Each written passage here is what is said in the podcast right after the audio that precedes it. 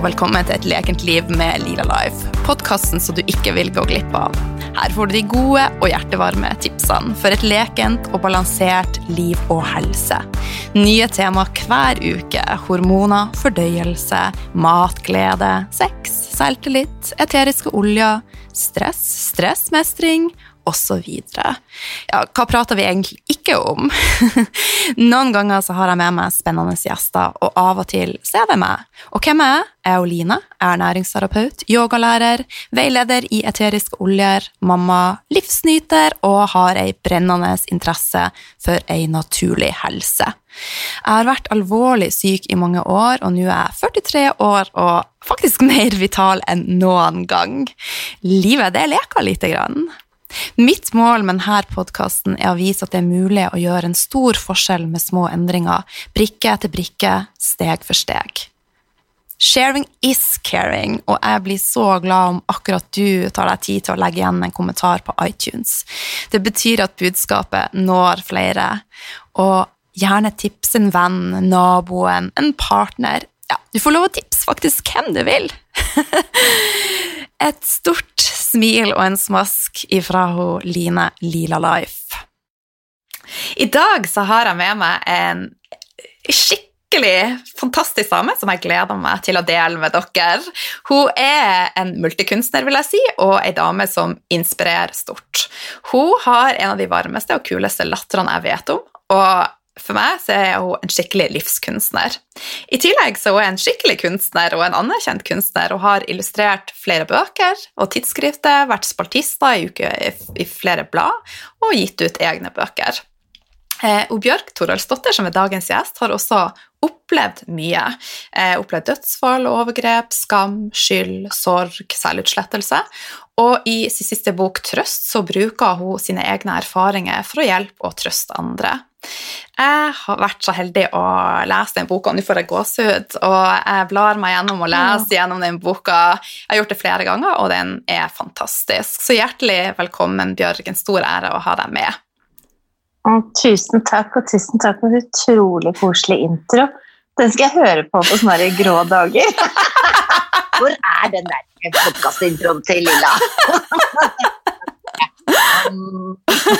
Men den kommer fra hjertet, altså, så det er ingenting som eh, er påtatt eller ikke ektefølt. Så.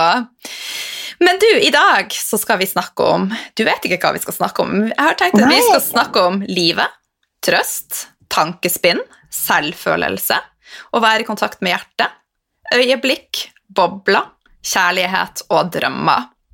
Så det er min agenda for dagen. så deilig, da. Det hørtes helt fantastisk ut.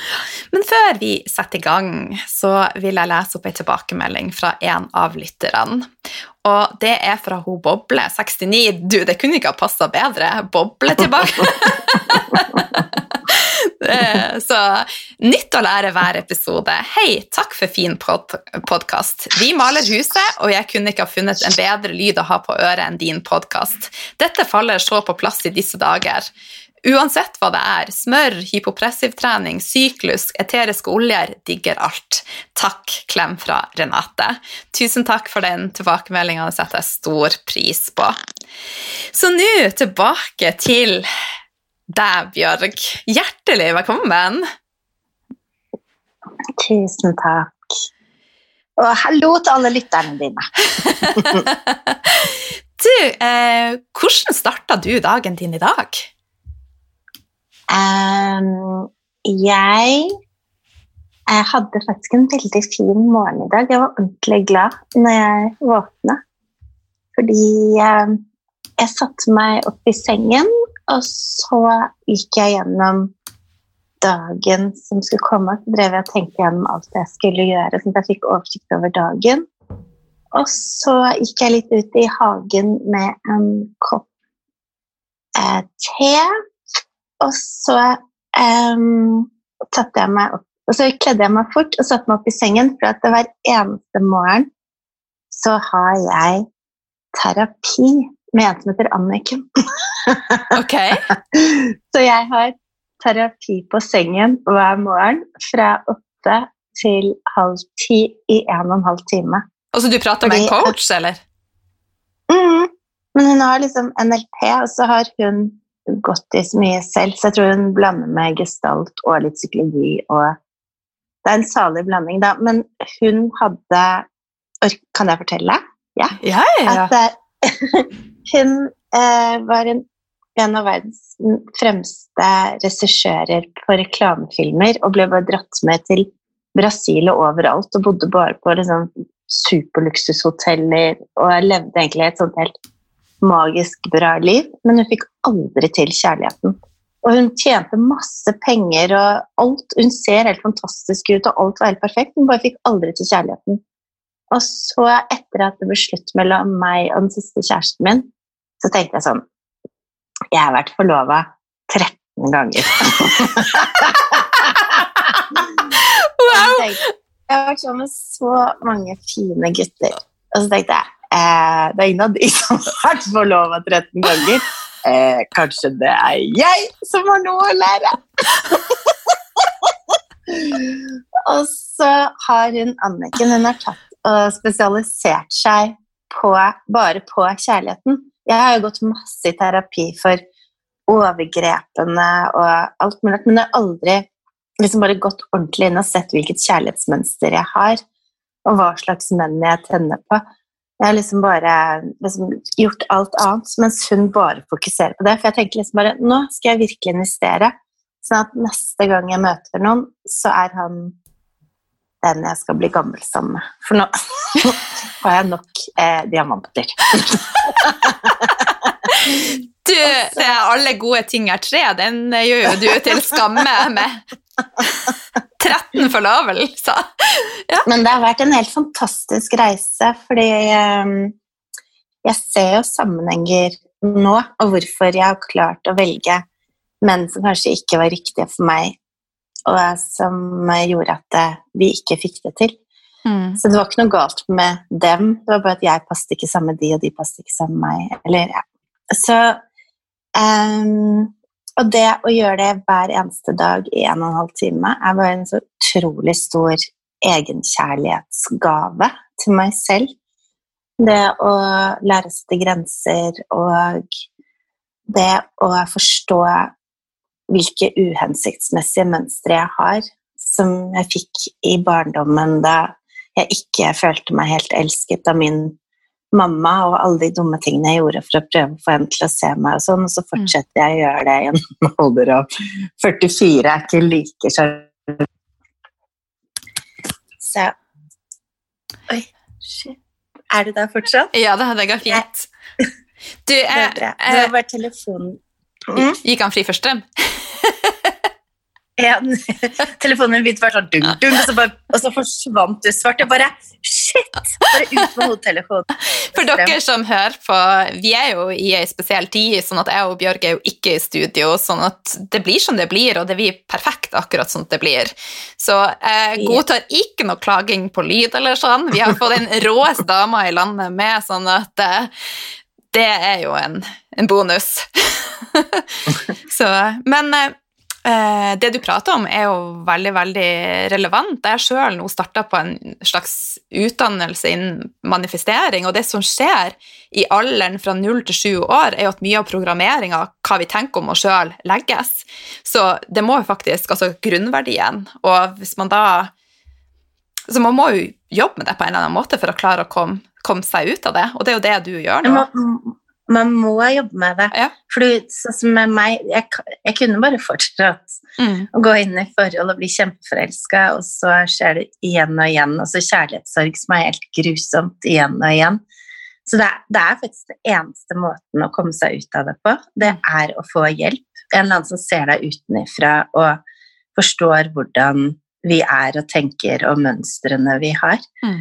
Så jeg er bare så, jeg er så stolt av meg selv at jeg gjør det. Å ja, så hver eneste Det dag? Det er litt sånn derre Jeg er litt blond, da, kan du si. Jeg har liksom gått nedover den samme gata og dette ned i det samme hullet 13 ganger. Men du har jo en veldig er jeg- god selvinnsikt, da. Mens nå har jeg faktisk valgt å gå nedover en annen gate. Ja, så bra. Det, Einstein sier at toppen av dumhet er å gjenta det samme og forvente et annet resultat. Ja. I know. Men når man blir forelska, så tenker man liksom at alt er mulig, at det kommer til å gå. Og hvis han er, drikker litt, så tenker du ja, men han er så forelska i meg, han kommer til å slutte å drikke, eller jeg vet ikke. Jeg tror veldig ofte at det, at det er veldig lett å, å tenke på menn som et oppussingsobjekt.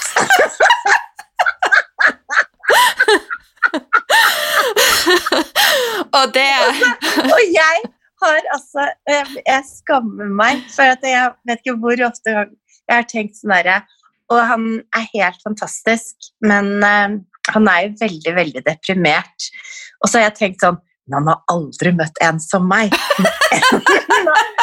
jeg, jeg, skal faktisk, selv om han har hatt masse kjærester, jeg skal få han til å bli glad i ham. Liksom. Akkurat sånn som jeg har sånn magic powers.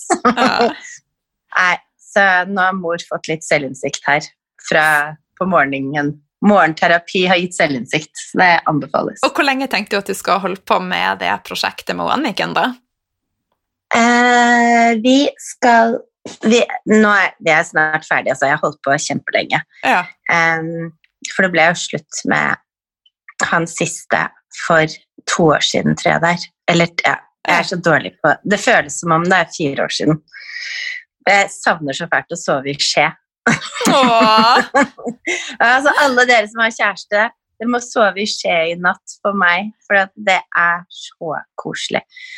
Eh, det er veldig ensomt å ikke sove i skje i denne koronatiden, merker jeg. Så, og det å sove i skje jeg er sikker på at man får bedre immunforsvar og holder seg friskere lengre. Jo, men det, vi produserer jo oksytoksin når vi har hudkontakt, og det styrker det meste i kroppen.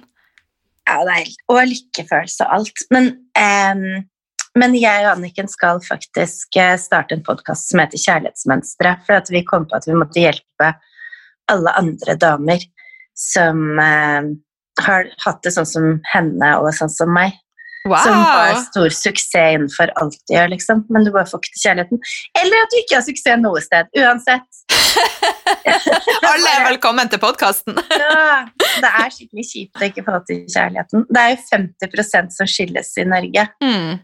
Og det er, så det er 50% som ikke får til kjærligheten. Så jeg tenker at eh, Og så er det liksom bare å gjøre noen grep med seg selv, mm. og så å bearbeide noen ting selv, og så går det fint. Hun er jo kjempelykkelig fortsatt. Hun har vært gift i tolv år. Wow. Mm. Mm. Men en av de største erkjennelsene jeg sjøl har gjort i mitt forhold, er jo at den eneste jeg kan endre, er meg sjøl. Og ja. så vil de da henger på, så henger de på. Altså, det blir jo en god si, hva det heter, spiral der vi påvirker hverandre. Mm. Så, uh, det er fantastisk, da. Ja. Mm. Så når, når, jeg får kjæreste, så kan jeg ringe til deg og spørre Nå gjør han sånn og sånn, hva skal jeg gjøre da? ja, jeg skal ikke skryte på meg at jeg er så jævla bra. Oi, der bandt seg i min egen podkast. Sorry! Det går fint. Er det ikke oppe i Nord-Norge? Jo, men sist gang jeg gjorde det, så fikk jeg flere sånn kjeftemailer på at eh, jeg bantes, så Men du, eh, du har vi eh, kartlagt hva du gjør om morgenen. Du prater med Anniken. Har du andre rutiner som du gjør for å få en best mulig dag? Ja, jeg er faktisk kjempeopptatt av morgenrutiner. Men hvis jeg ikke har sovet godt, eller legger meg for sent, eller et eller annet, så går ikke de. Og egentlig er morgenrutinene så utrolig viktige for meg. Så mm, blir, altså, dagen blir så mye bedre når jeg har morgenrutinene mine i orden. Men jeg ser at det er en overskuddsgreie, og så har jeg bestemt meg for å ikke få dårlig samvittighet når jeg ikke gjør det. Mm. Men min vanlige morgenrutine er helt magisk, for jeg bor jo nede ved Oslofjorden. Så da lager jeg meg en kopp kaffe, og så går jeg ned til stranda nedenfor her. Og så bader jeg, om det er kaldt eller om det blir varme om sommeren, men tar, og dupper oppi. Mm. Jeg er jo en sel.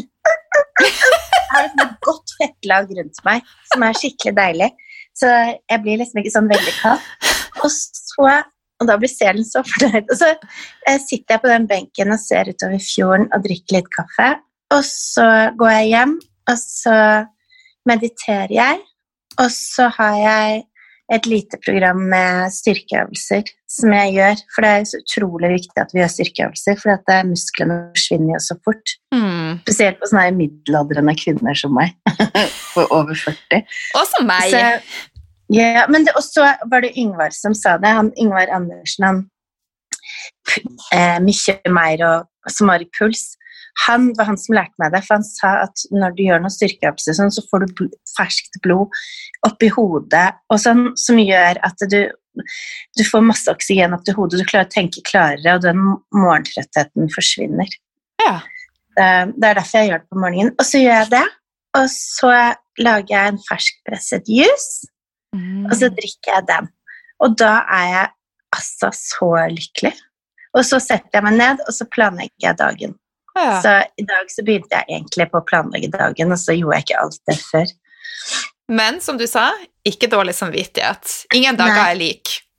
Og så er det også en annen ting at det, det, søvn er så utrolig viktig. Og hvis ikke jeg får nok søvn, så blir jeg så frynsete. Mm. Så det er viktigere for meg å få nok søvn enn at morgenrutinene er der. Det Men hvis jeg høres- får begge deler, så er det jo helt fantastisk. Ja, det høres veldig lurt ut.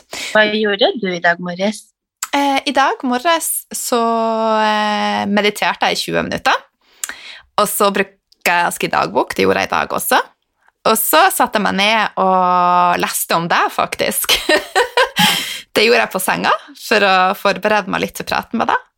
Eh, og så er det sitronvann, oilpulling, og så jobber jeg. Og så går jeg og spiser frokost sånn i 11-12-tida. Så jeg er veldig lat, så jeg har en veldig rolig morgen, og logger ikke på noe før jeg har vært våken i hvert fall en time.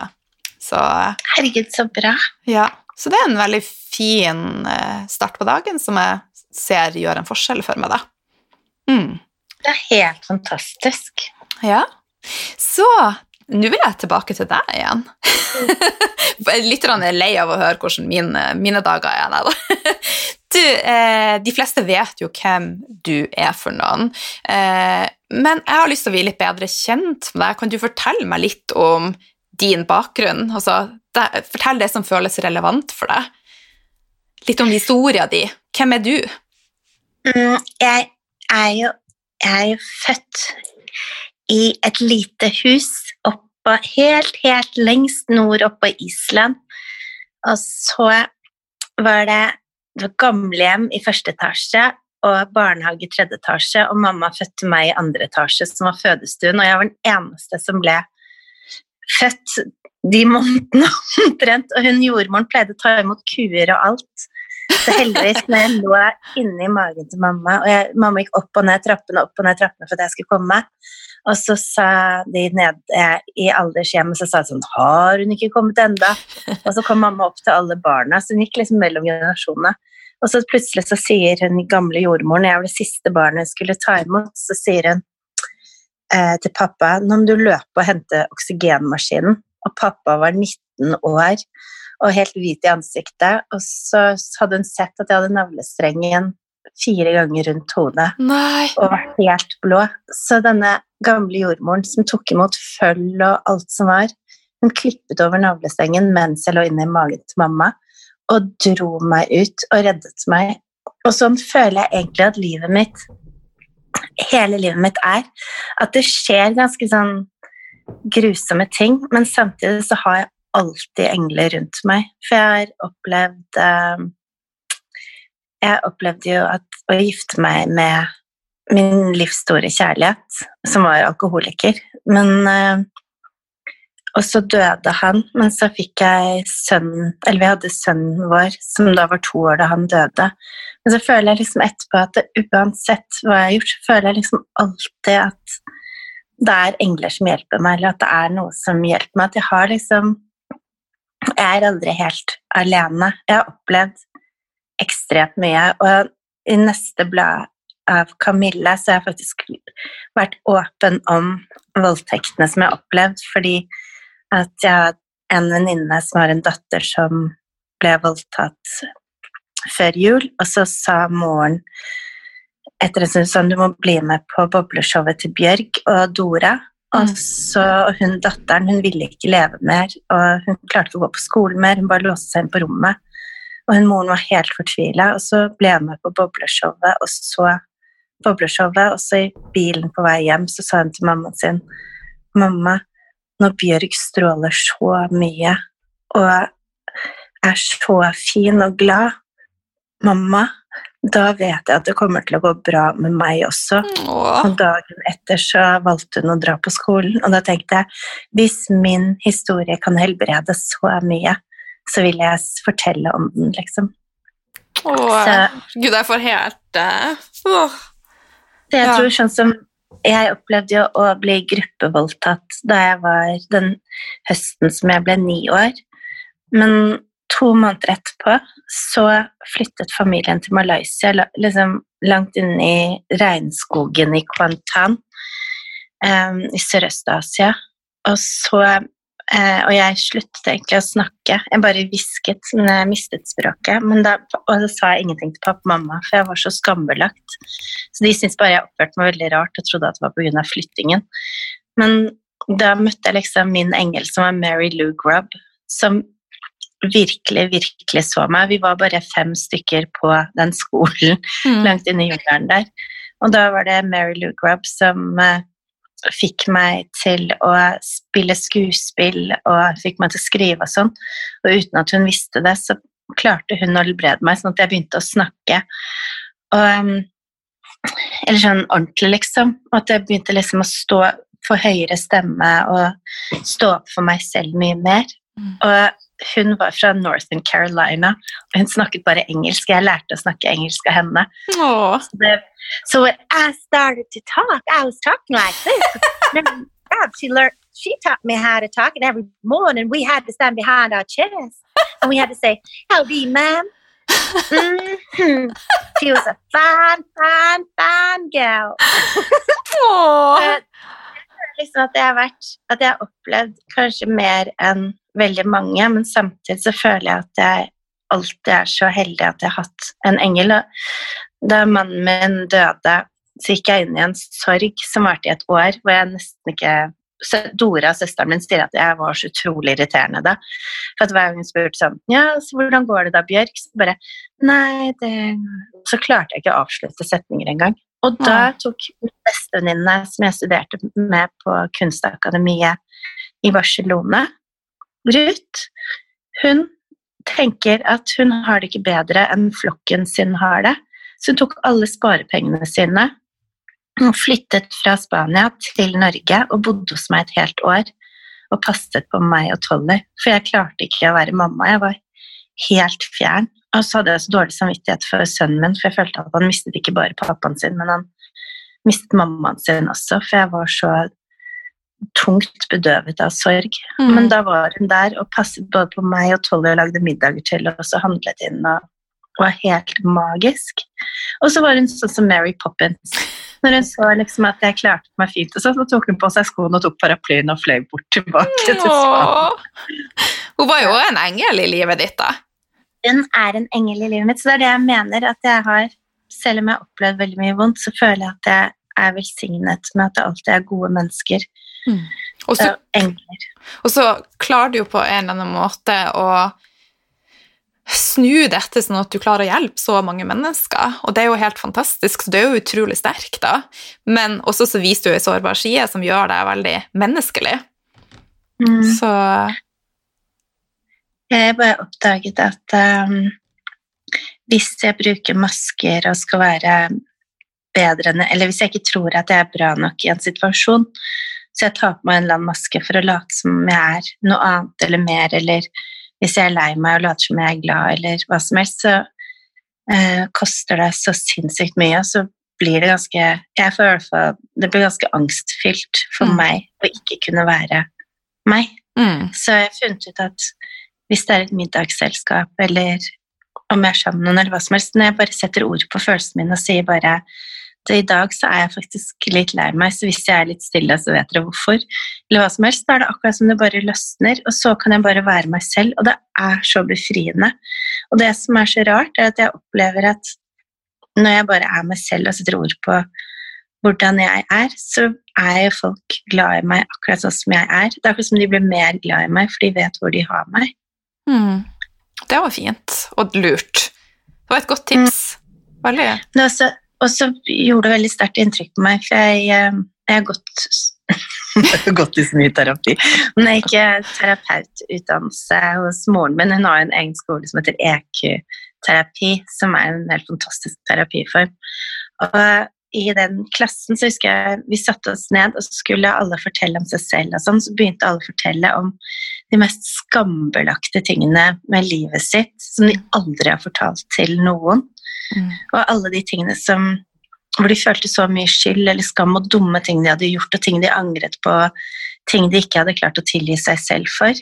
Og så gikk vi hele runden. Og så det som skjedde, var at det var ikke sånn at folk ville avvise hverandre eller noe sånt. Eller, hvis jeg snakker bare ut fra meg selv For hvert eneste menneske som åpnet seg opp og fortalte om sine sårbarheter og skammer og sånn, så ble jeg bare dobbelt så glad i dem. Jeg ble bare mer og mer glad i dem. Og etter hvert som vi gikk på den skolen, og alle åpnet seg mer og mer. Så ble jeg bare enda mer glad i det. Så tenker jeg at det, det er så ofte at vi tror at eh, andre kan bare bli glad i oss hvis vi er perfekte, og at vi ikke er nok i oss selv. Og hvis vi viser oss sårbare eller sånn, så vil ikke folk like oss. Men så er det faktisk motsatt. At når vi tør å være sårbare, da blir folk ordentlig glad i oss. Og når vi skal være så perfekte og sånn, så er det helt umulig å bli glad i den personen nesten, for det blir bare sånn kald front. Mm. Og så tror jeg jo ikke man klarer å være glad i seg sjøl heller, hvis man tar på seg en fasade som ikke er At det får du problemer med de følelsene på innsida også. Mm. Ja. Hva er dine beste tips for en god selvfølelse? Hva gjør du sjøl for å, å være glad i deg sjøl? Mm, det er en For det første så tenker jeg at eh, den grunnleggende følelsen av å være glad i seg selv eh, Hvis du ikke har fått det fra barndommen, så er det faktisk en jobb å gjøre som er ekstremt viktig å gjøre. Mm. Um, som egentlig er i terapi. Og Det er å få vekk alle spøkelsene i skapet, alle vonde tingene, alle de kommentarene du har fått de gangene du har blitt behandla sånn at uh, handlingen har tilsagt at du er verdiløs. Mm, og så få vekk alt det, og rydda vekk det, sånn at du står igjen som den jenta du en gang var før alt mørket kom. Mm. Så etter det så er det det å være sin egen beste venn og slutte å dømme deg selv, men heller være undrende på hvorfor man velger å gjøre en eller annen ting. Og så um, er det det å behandle seg selv som om du var din egen datter. Sånn som hvis Det er litt dårlig eksempel, men sånn som hvis jeg, jeg skulle egentlig på date med en fyr, og så hadde han allerede avvist meg litt en gang før. Eller noen ganger før. Og så tenkte jeg bare sånn Hvis dette her var datteren min, så hadde jeg aldri sendt henne på date med en fyr som kommer til å avvise henne igjen. Mm. Det, er liksom, det er jo i håp om å få liksom litt kjærlighet. Når du vet at du bare blir avvist, så tenkte jeg det hadde jeg aldri gjort mot datteren min. Og da tenkte jeg da skal jeg i hvert fall ikke gjøre det mot meg selv. Så er det sånn å bare spørre seg selv hele tiden den spørsmålet Hvis jeg var min egen datter, ville jeg gjort dette her mot henne? Mm. Og hvis spørsmålet er nei, så skal du ikke gjøre det. Og så bygge opp den egenkjærligheten gjennom gode morgenrutiner, sånn som du har. Og du. Det, det, og jeg. Ja, for det er jeg veldig opptatt av. Og så skriver jeg også dagbok, som jeg er kjempeopptatt av, for å reflektere og tenke de tankene.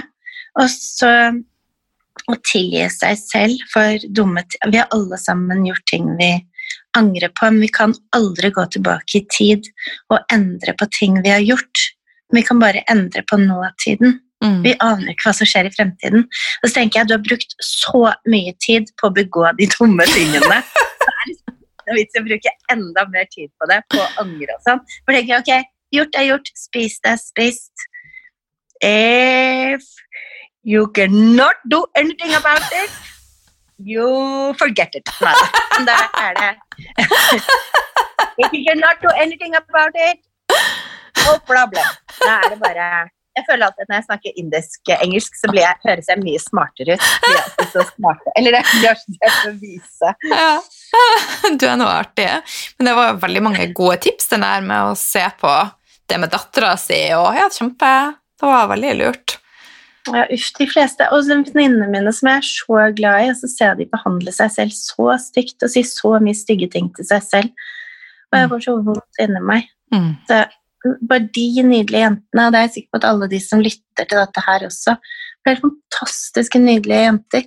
Så et tips som jeg har, det er faktisk at jeg tror de aller, aller fleste skjønner ikke hvor nydelige og elskbare de er. Så hvis de gjør sånn meditasjon, eller at de bare lukker øynene sine, og så, og så, ser du for deg en person som du vet at elsker deg, stå overfor deg, om det er moren eller faren din eller kjæresten din eller hvem det er.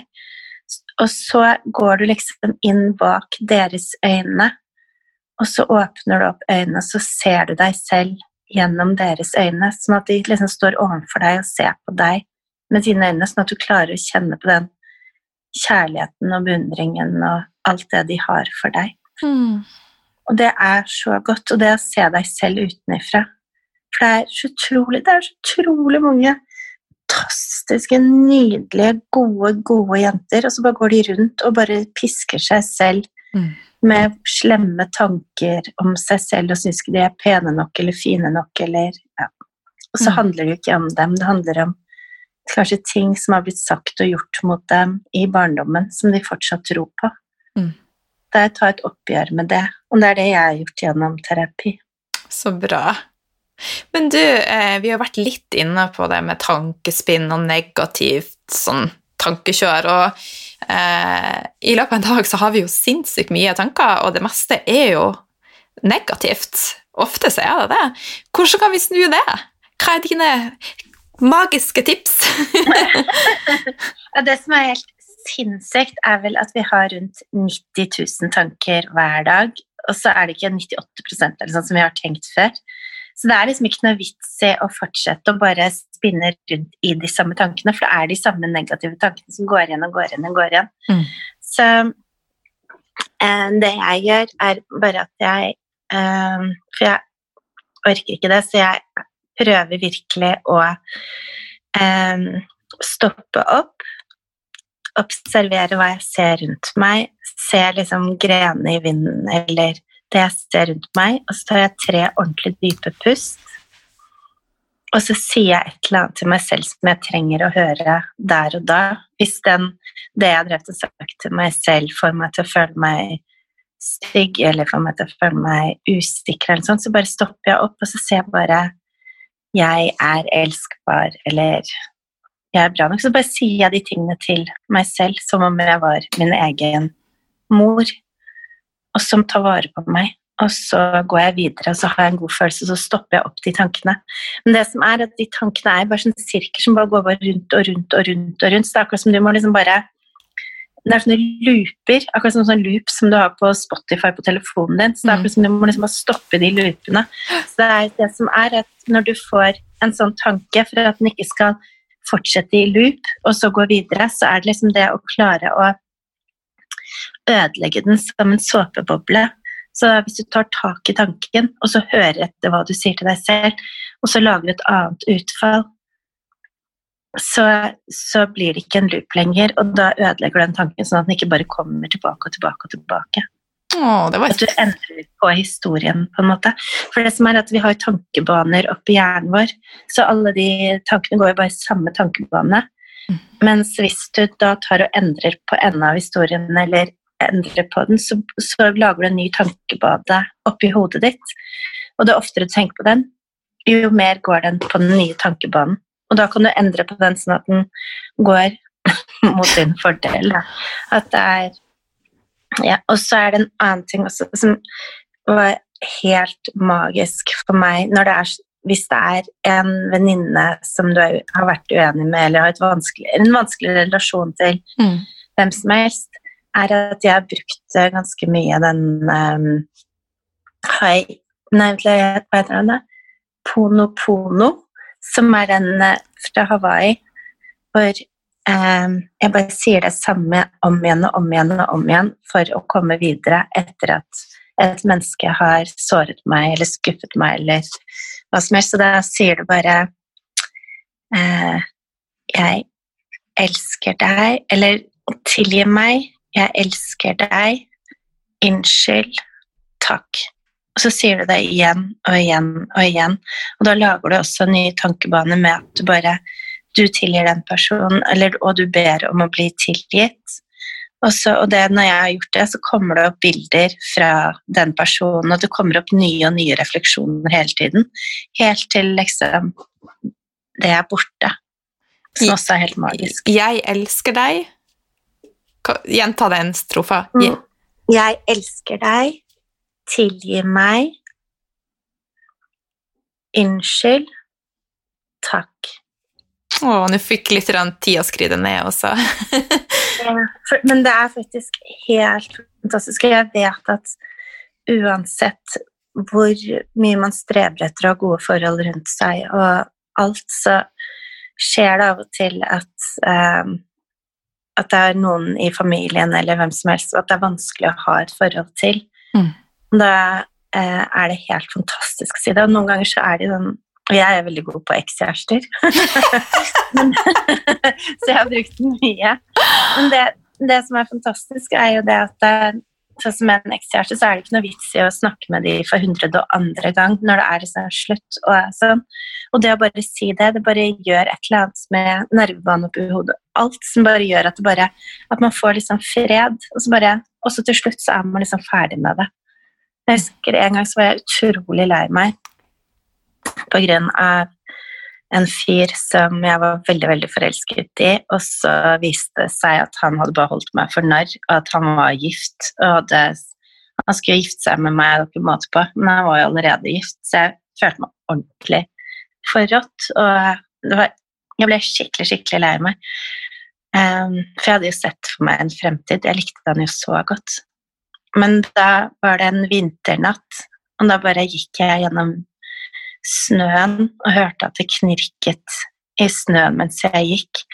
Og jeg gikk og gikk og gikk i den nysnøen, og så sa jeg om igjen og om igjen og om igjen Jeg elsker deg, tilgi meg, unnskyld, takk. Og så sa jeg det om igjen og om igjen, og så etter hvert så sa jeg det også til meg selv, at jeg hadde satt meg selv i den situasjonen.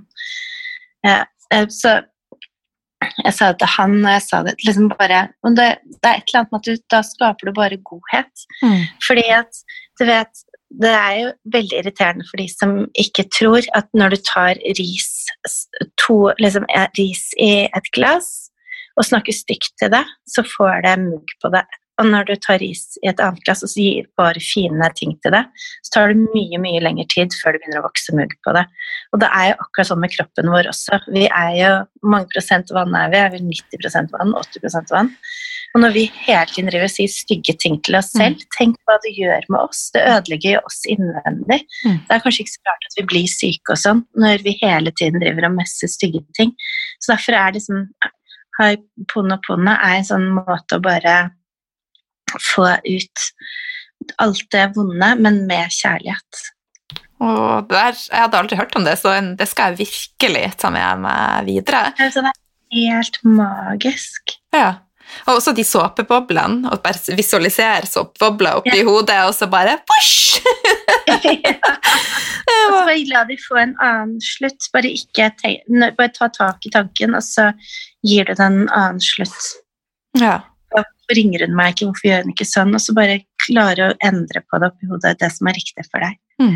Og så tenker jeg jeg er supertilhenger av å snakke sammen, hvis det går, da. Men det er ikke alle som det går an å snakke med. Men eh, hvis det er mulig, så er jeg sånn å prøve å bearbeide for meg selv, sånn at ikke jeg har masse sinne, eller sånn at jeg ikke klarer å lytte. Mm. Og så det å liksom bare undre seg over den andre. Og så, bare, det er sånn fantastisk hvis du er nysgjerrig på å tenke liksom bare Ok, hvis jeg, vi står overfor en sten, og du står på den ene siden, og jeg står på den andre siden av steinen, og hvis man ser for seg at steinen er liksom problemet mellom mm. dere to, så ser jeg helt forskjellig på den steinen enn det du gjør. Så jeg må jo forklare hvordan steinen ser ut fra min side, og så kan du forklare hvordan steinen ser ut fra din side. Mm. Og sammen så ser vi jo hele steinen, og da forstår vi hverandre, og da kan vi løse problemet. Men hvis jeg sier at den eneste sannheten er hvordan steinen ser ut fra min side, da klarer vi ikke å løse noen ting. For at den andre på den andre siden ser steinen helt annerledes, for steinen ser annerledes ut fra den andre siden. Og det er utrolig interessant når man undrer seg, og den andre merker at man er sånn Ja, men jeg forstår ikke helt når, når du skrev det, hva tenkte du egentlig da? For da ble jeg faktisk kjempelei meg. Og så sier den andre Hæ, ble du lei deg da? Og så Jeg mente det og det og det. Og så plutselig, så når du undrer deg, så er det helt magisk, for da oppstår det en helt fantastisk dialog hvor man faktisk begynner å forstå den andre personen. Så istedenfor å gå til angrep eller noe sånt og undre seg over den andre, for da får man en god samtale, og så er det utrolig viktig bare å sette ord på følelsene dine. Hvis, hvis den andre sier noe sånn at du blir sint, sier du 'jeg blir så sint' når du sier det, eller 'jeg føler at jeg er verdiløs når du gjør det og det', så plutselig sier den andre 'å ja, gjør du det?' Men da prøver liksom å hjelpe den andre til å forstå deg. Mm. Du er så eh, Du er så reflektert. Det er så artig å prate med deg. Jeg lærer så mye nytt. Det er veldig, veldig fint. Men du, livet det består jo av eh, masse små øyeblikk. Eh, og det endrer seg jo konstant, på godt og vondt. Hva er ditt triks for å klare å gripe de her små lykkeboblene i hverdagen? Um, tror nå, nå i det siste i hvert fall, så har det faktisk bare blitt til det at jeg velger å si nei til veldig, veldig mye. Og så sier jeg bare ja til de tingene som jeg virkelig, virkelig brenner for og vil. For jeg tror hvis man gjør for mye, uansett hva, hvor gøy det er, så til slutt så blir det ikke gøy når det blir for mye av noen ting. Men hvis man bare velger å være sosial en kveld i uka eller Mm. Bare, eller en kveld annenhver uke, eller hva som helst, så bare gleder du deg så fælt, og så er du ordentlig til stede i det. Og så tror jeg at um, Jeg driver også og mediterer hver dag, og det gjør at jeg klarer å være til stede i hverdagen min. Det, et av de lykkeligste øyeblikkene mine i dag var når jeg så en sånn liten kjøttmeis som satt på grenen utenfor kjøkkenet mitt. Jeg ble altså så lykkelig. Og så har jeg en veldig søt eh, filippinsk au pair som heter Maggie, og jeg ropte på henne, og hun måtte komme med meg, og hun bare Ja da. Det er jo de små gledene. Men jeg, men en av de tingene som faktisk gjør meg lykkeligst av alt, det er å se at jeg kan hjelpe andre mennesker. Og det, det er visst et eller annet med at når du hjelper noen, så utskiller det også masse endorfiner og et sånt derre samholdshormon som gjør at, liksom at begge to føler seg lykkeligere. Ja. Søsteren min Dora hun bor jo i Thailand nå. Og så hadde hun fått høre at de menneskene fra Myanmar de er de lavt, mest lavtlønnede i Thailand. Og nå har det ikke vært jobb der på noen måneder pga. korona. Så hun hadde fått uh, melding fra noen om at det var helt krise, og de hadde ikke mat og sånn. Og storesøsteren min Dora hun er helt skjønn, men hun er liksom ikke den som har drevet mest med sånn. Da tok hun bilen sin på Koh og så kjørte hun av gårde, og så fylte hun opp hele bilen med ris og egg og alt mulig rart. Og brukte flere tusen kroner på mat i Thailand. Og da får du mye mat, altså. Det er ikke som eh, på Rimi hvor du får to handleposer. Og så hun kom bare med det lasset med mat, så kjører hun bort til der hvor de bor fra Myanmar. Og så kommer folk bort gråtende og takker henne og bare bare kysser hendene hennes og bare helt fra seg. Sånn. og hun måtte ringe til meg etterpå. Hun bare Jeg har aldri blitt så glad i hele mitt liv. Det å hjelpe. Det er mye Det er, det er ikke undervurdert Det er liksom bare Det er helt sinnssykt. Og hun, måtte, så hun ringte fra Thailand for å fortelle meg hvor lykkelig hun var, og hvor god følelse det ga henne. Og det gir en følelse som er liksom beyond alle andre lykkefølelser, syns jeg også. Så mm.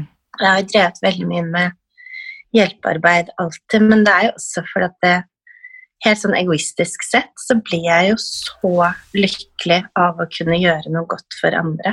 Mm. Forrige uke så var det en veldig nær venninne av meg som uh, gikk inn i en depresjon pga. Korona og pluss at hun dunket hodet sitt. Så jeg kom hjem til henne, og hun var så langt nede og hadde ikke spist ordentlig, så hun hadde gått ned tolv kilo.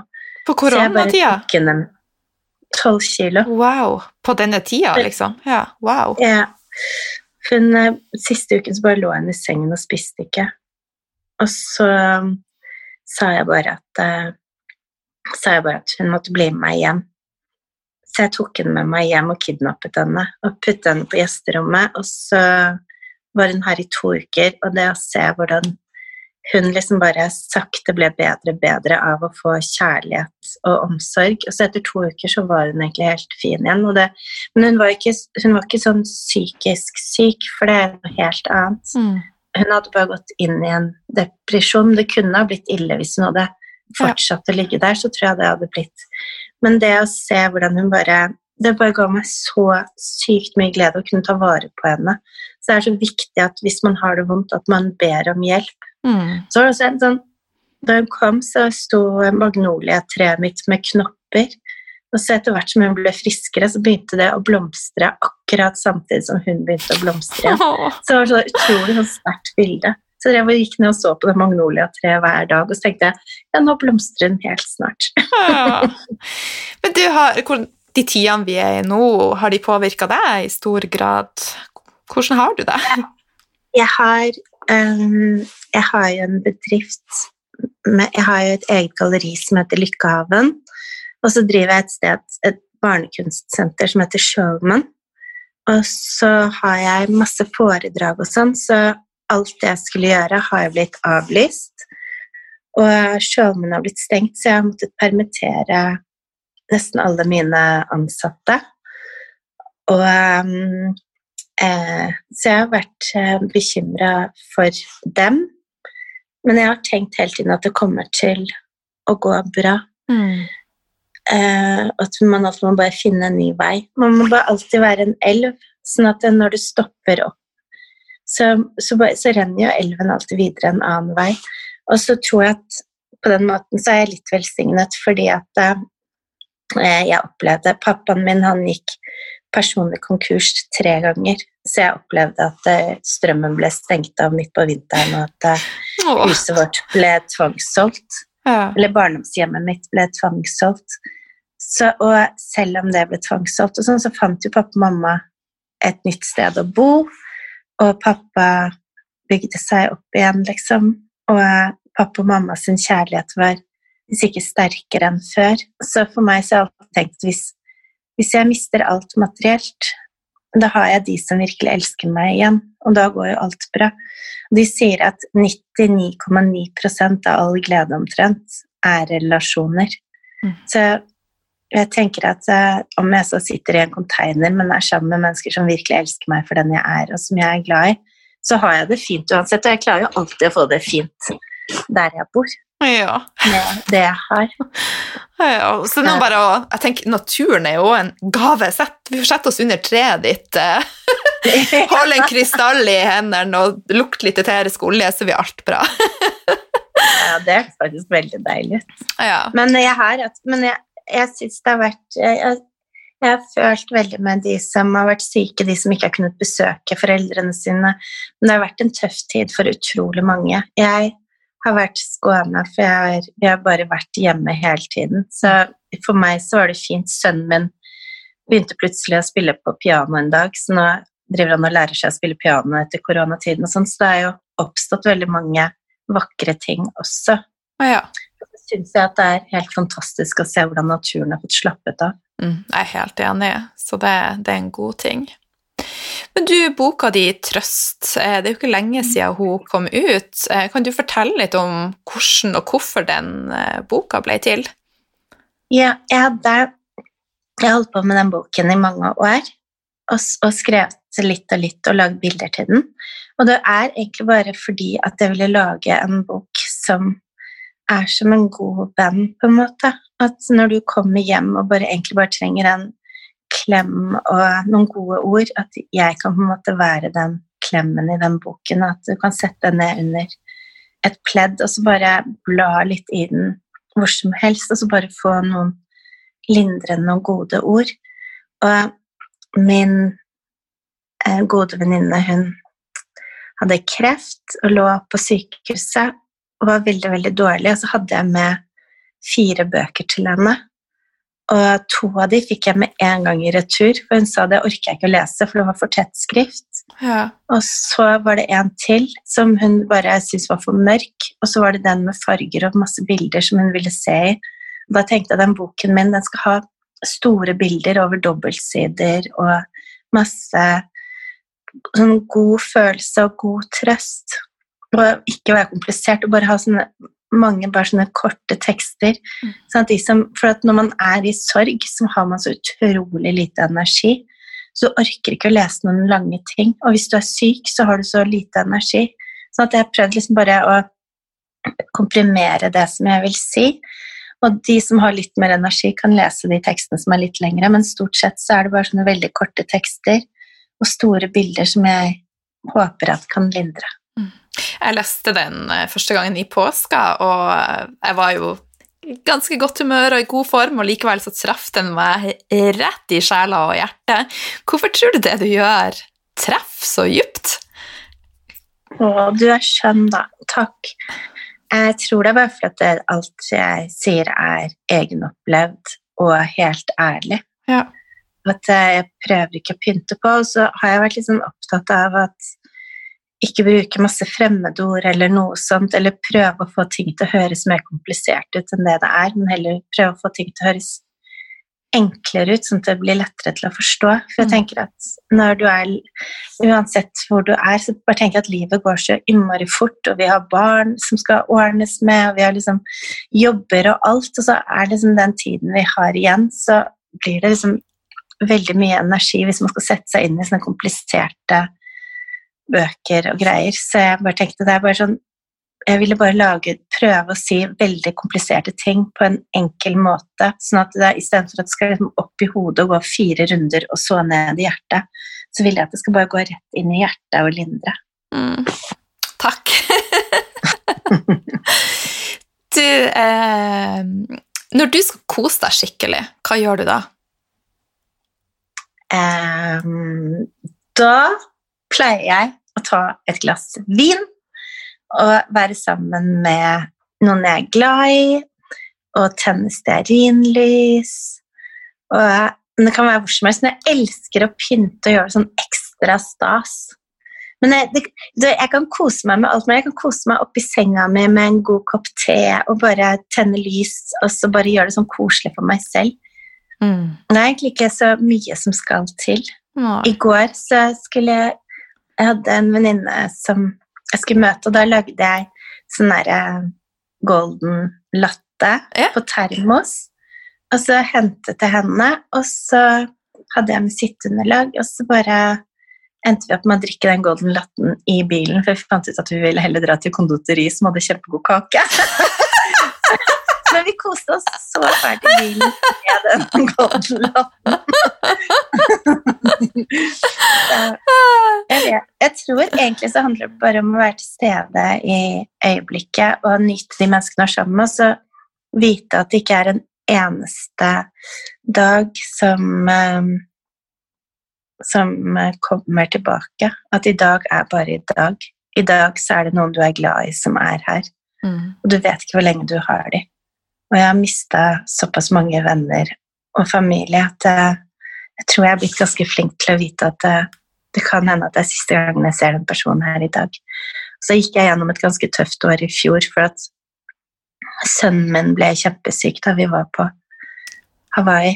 Og fikk, noen er slags indre blødninger som eh, var én time fra å dø.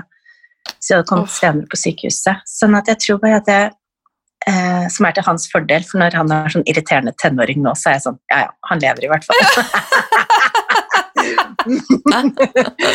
så strikken kan tøyes litt lenger. Men, eh, men jeg tror bare virkelig at jeg tenker bare at jeg vet ikke hvor lenge jeg skal være her, og jeg vet ikke hvor lenge jeg får ha de menneskene jeg er glad i meg, og som jeg er glad i rundt meg. Så jeg bare, hvert eneste øyeblikk blir så dyrebart. Mm. Men du, du har jo verdens eh, beste latter, så utenom 13 eh, forlovelser og galgenhumor, hva får, hva får latteren frem hos deg? alt jeg elsker å le. Ja. og, så tror jeg, og så tror jeg også at det har sånn der, jeg bare sånn jeg, jeg, har vært så mye lei meg og sånn, så jeg orker, liksom, jeg orker ikke være så mye lei meg. Altså, hvis det er ting som er traurige eller kjipe eller et eller annet som har gått helt på tverke, så syns jeg det er så utrolig mye deiligere å le av det enn å liksom gå helt ned i kjelleren og, og ja. det skjer. Sånn. Og så bare prøver jeg å se på det på den morsomme, morsomme måten. Tror... Sånn som han. Ja, hmm? fortell. Nei, nei, og så har jeg, er jeg så utrolig heldig at det er en barndomsvenninne av meg som er eh, hun vi har vært venninner siden vi var 14, og hun leier en leilighet i huset mitt. Så, og hun er fra Irland, og hun har også hatt et ganske tøft liv. Så hun har sånn sykt galgenhumor, og vi kan le oss fillete over ting. Så ser du hva folk, og så plutselig skjønner vi liksom at det, folk ser helt forskrekka ut. Så altså, når folk blir veldig lei seg når jeg sier at mannen min er død, så tenker jeg sånn de trenger ikke å bli lei seg, for død er død, liksom. Så, så sier jeg bare Det var ikke jeg som drepte han, og så ler jeg litt, og da ser de enda mer forskrekka ut.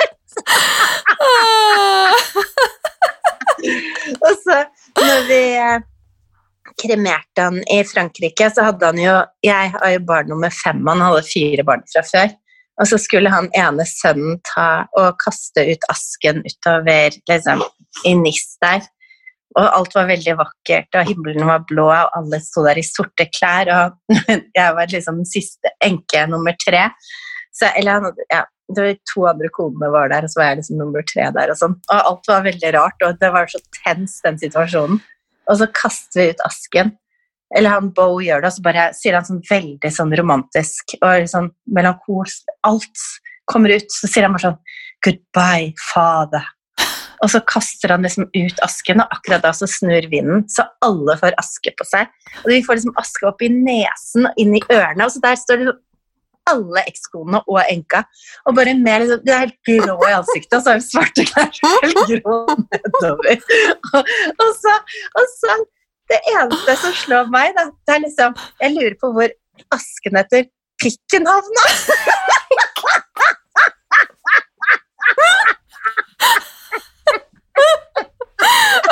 my god! Inni øret, eller? På kone nummer to. Du har jo en unik evne til å klare å snu noe ganske tragisk til å se humoren i det. Det skal du ha, så takk for det også. Vi trenger, vi trenger flere sånn som deg, for vi er for forknytt eh, i samfunnet vårt. Så det, det er herlig befriende. Ja, bare ikke ta ting så alvorlig. Nei, det, det ordner seg. Alt eh, ordner seg. Du, eh, vi, skal, vi har skravla lenge nå, så vi skal snart begynne å runde av. Jeg kunne ha prata en time til, eh, men jeg skal ikke oppholde deg. så eh, hva er planene dine fremover, Bjørg? Eh, nå har jeg um, Jeg har starta noe som heter Miljøgrisene. Okay. Det er en skikkelig miljøgris selv. Selv om jeg vil veldig gjerne være miljøvennlig, så er jeg en skikkelig miljøgris. Så jeg har starta en studie Miljøgrisene, hvor hvis man går inn på Facebook og skriver Miljøgrisene, så ser du at det kommer opp en gruppe. Da har vi bl.a. tatt Vegard Ylvisåker og lært av han hvordan vi skal resirkulere batterier. Og så har vi liksom flere som kjendiser som vi har spurt om hvordan man skal gjøre det. Og så, det som er så fantastisk, er at når vi er hos de, så tar jeg implementerer det i eget liv. Og, og så eh, skriver jeg en bok på Aschehoug som heter også 'Miljøgrisene', som er liksom egentlig en sånn familieprosjektbok hvor man kan sakte, men sikkert liksom ta én og én ting. For jeg blir i hvert fall helt apatisk hvis jeg tenker på alt det jeg skal endre på for miljøet. Men hvis jeg tar én og én ting av gangen, så er det mye lettere. Så jeg er en miljøgris som sakte har lyst til å bli en havfrue. Jeg skal slakte. Ja, så det er det prosjektet som jeg jobber mest med, for jeg har jo masse skoler som jeg hjelper til med nedi eh, Kenya, Uganda og Gambia og sånn. Men jeg kan jo ikke Eller det hjelper jo ikke noe at jeg hjelper de masse hvis de blir klimaflyktninger om to-tre år. Så nå bare gjør jeg alt jeg kan for uh, miljøet og for miljøvern. Jobbe med miljøvern. Så det, jeg håper at lytterne dine har lyst til å være med på, melder seg inn på Facebook-siden vår så, og er med på en, å slaktes sakte. Ja. Eh, og så en for... annen ting yeah. er at som jeg, som er, som, For jeg har jo egen vin som heter skravlevin. Og så har jeg lagd egne bobler som heter lykkebobler, som er på polet. Men så eh, Og skravlevin er helt økologisk, men de årene som det er dårlige avlinger og sånn, så tar de og tilsetter det litt sulfat og sånn, så derfor så har, kan jeg ikke si at den er 100% økologisk. Så jeg kjente på liksom at jeg ville virkelig gjøre noe som ikke hadde et eneste karbonavtrykk utenom transporten til Norge. Så jeg har lagd en rosévin mm. som er altså så god, og den er lagd på Sicilia, og den er 100 eh, organisk og karbonnøytral. De har til og med liksom regnet ut hvor mye bensin arbeiderne bruker hjemmefra og til vingården. Og korken er lagd av resirkulert aluminium. og det, liksom, det, var helt magisk å være der. Så har de bare funnet ut hvilke planter de skal plante liksom, ved siden av um, vinrankene for at insektene ikke skal komme de og de insektene ikke skal komme på. Sånn, helt magisk. Så den kom faktisk ut i dag! Nei! jo! Nei, i dag er liksom Og så skulle jeg egentlig ha en sånn kjempestor lansering med Rosa Party, men pga. korona så ble ikke det noe av. Men den er jeg faktisk skikkelig stolt av, for den er 100 giftfri. Den er Og så smaker jeg helt fantastisk. Ja, så er jeg stolt av at jeg følger hjertet mitt og gjør det som føles riktig for meg. Så bra. Jeg har ikke drukket alkohol stort sett hele 2020. Jeg tror jeg har drukket noen få glass da jeg var i Stockholm, men kanskje jeg må teste denne. Så eh, ja. Jeg Den er som medisin. ja. Så eh, det skal jeg, skal jeg, faktisk teste ut. Så eh, jeg har ikke tatt den, altså. Så hyggelig. Ja. Så jeg er veldig stolt av etiketten. Jeg syns den liksom reflekterte det rosa livet. For den heter La Vita Rosa. Åh. Det rosa livet. Du må, en, eh, du må lage en lila vin også. Ja Det blir neste prosjekt. Men den må være uten alkohol, da? Nei da, altså jeg har, jeg har ikke tatt noe sånn standpunkt om at jeg avholds. Det, jeg er veldig sånn for å leve i øyeblikket og ikke være for svart-hvit og ikke være for bastant. Eh, mm. Ja, så har jeg lyst på vin en dag, så tar jeg meg vin. Ja. Sånn tenker jeg at jeg skal ja. Eh, jeg skal linke til den gruppa som du nevnte, eh, på Facebook. Miljøsvinene Nei. Miljøgrisene. Grise, nesten, Line. jeg er et lite svin. Jeg er et mil miljøsvin, men nei, miljøgris. Miljøgrisene.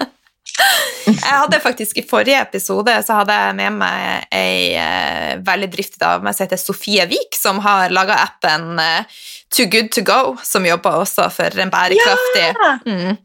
Så vi har prata om fjong, som er fantastisk, der man kan leie klær, og for tekstilforurensning er jo verdens nest største forurensning. Ja, du, vet du hva, jeg er så stolt. Jeg har ikke kjøpt noen klær på tre år. Wow! Jeg, fordi at det er den største forurensningen er klær. Og så har jeg og venninnene mine vi har sånn at vi bare møtes annenhver eller hver tredje måned, og så tar vi med alle de klærne vi ikke bruker. Og så bytter vi, og så er det ikke noe penger eller noen ting. Vi bare bytter klær, og så hvis det er flere enn én som vil ha et plagg, så må alle de som har lyst på det plagget, ta det på seg. Og så er vi helt dønn ærlige, og så sier vi hvem som kler det best, og den som kler det best, får det. så og det er ingen penger involvert. Så det er helt fantastisk. Og alle klærne så alle de der, Når folk driver nå, liksom sender meg meldinger og bare 'Å, jeg elsker den kjolen du hadde på deg der og der', og sånn. 'Hvor har du kjøpt den?' Så alle klærne er sånn bytteklær. Og nå er jeg på Nå skal jeg være i Tara og i Camilla de neste numrene. Og begge de reportasjene så har jeg bare på meg sånne bytteklær, byttekjoler. Fantastisk. Så, ja, Da anbefaler jeg alle, så tenker jeg at jeg heier på norsk design og god kvalitet. Så jeg tenker at man kan tillate seg selv å kjøpe kanskje ett eller to plagg i året som er ordentlig høy kvalitet, som du kan ha liksom i 10-15 år, og som koster sånn at du reparerer det og tar vare på det. Mm. Men de klærne man kjøper på Hense Maurits og Cubus og sånn, de er jo lagd av plast. Det er polyester. Du går rundt med plastikk. Mm. Det er ikke bra for huden din, det er ikke bra for noe. Det var avslutninga. Amen. Tusen hjertelig takk for Og så anbefaler jeg alle å lage sånn bytteklubb med venninnene sine. Jeg håper jeg blir invitert en gang til din bytteklubb, for jeg har så lyst til å se huset ditt. Jeg fikk jo en sneakbit på, på badet ditt, og det så jo helt fantastisk ut. Ja, Kom, si ifra når du er i Oslo. Ja. Tusen hjertelig takk for praten. Som alltid en stor glede å snakke med deg. Tusen takk. Og så takk til alle lytterne dine som ville høre på meg.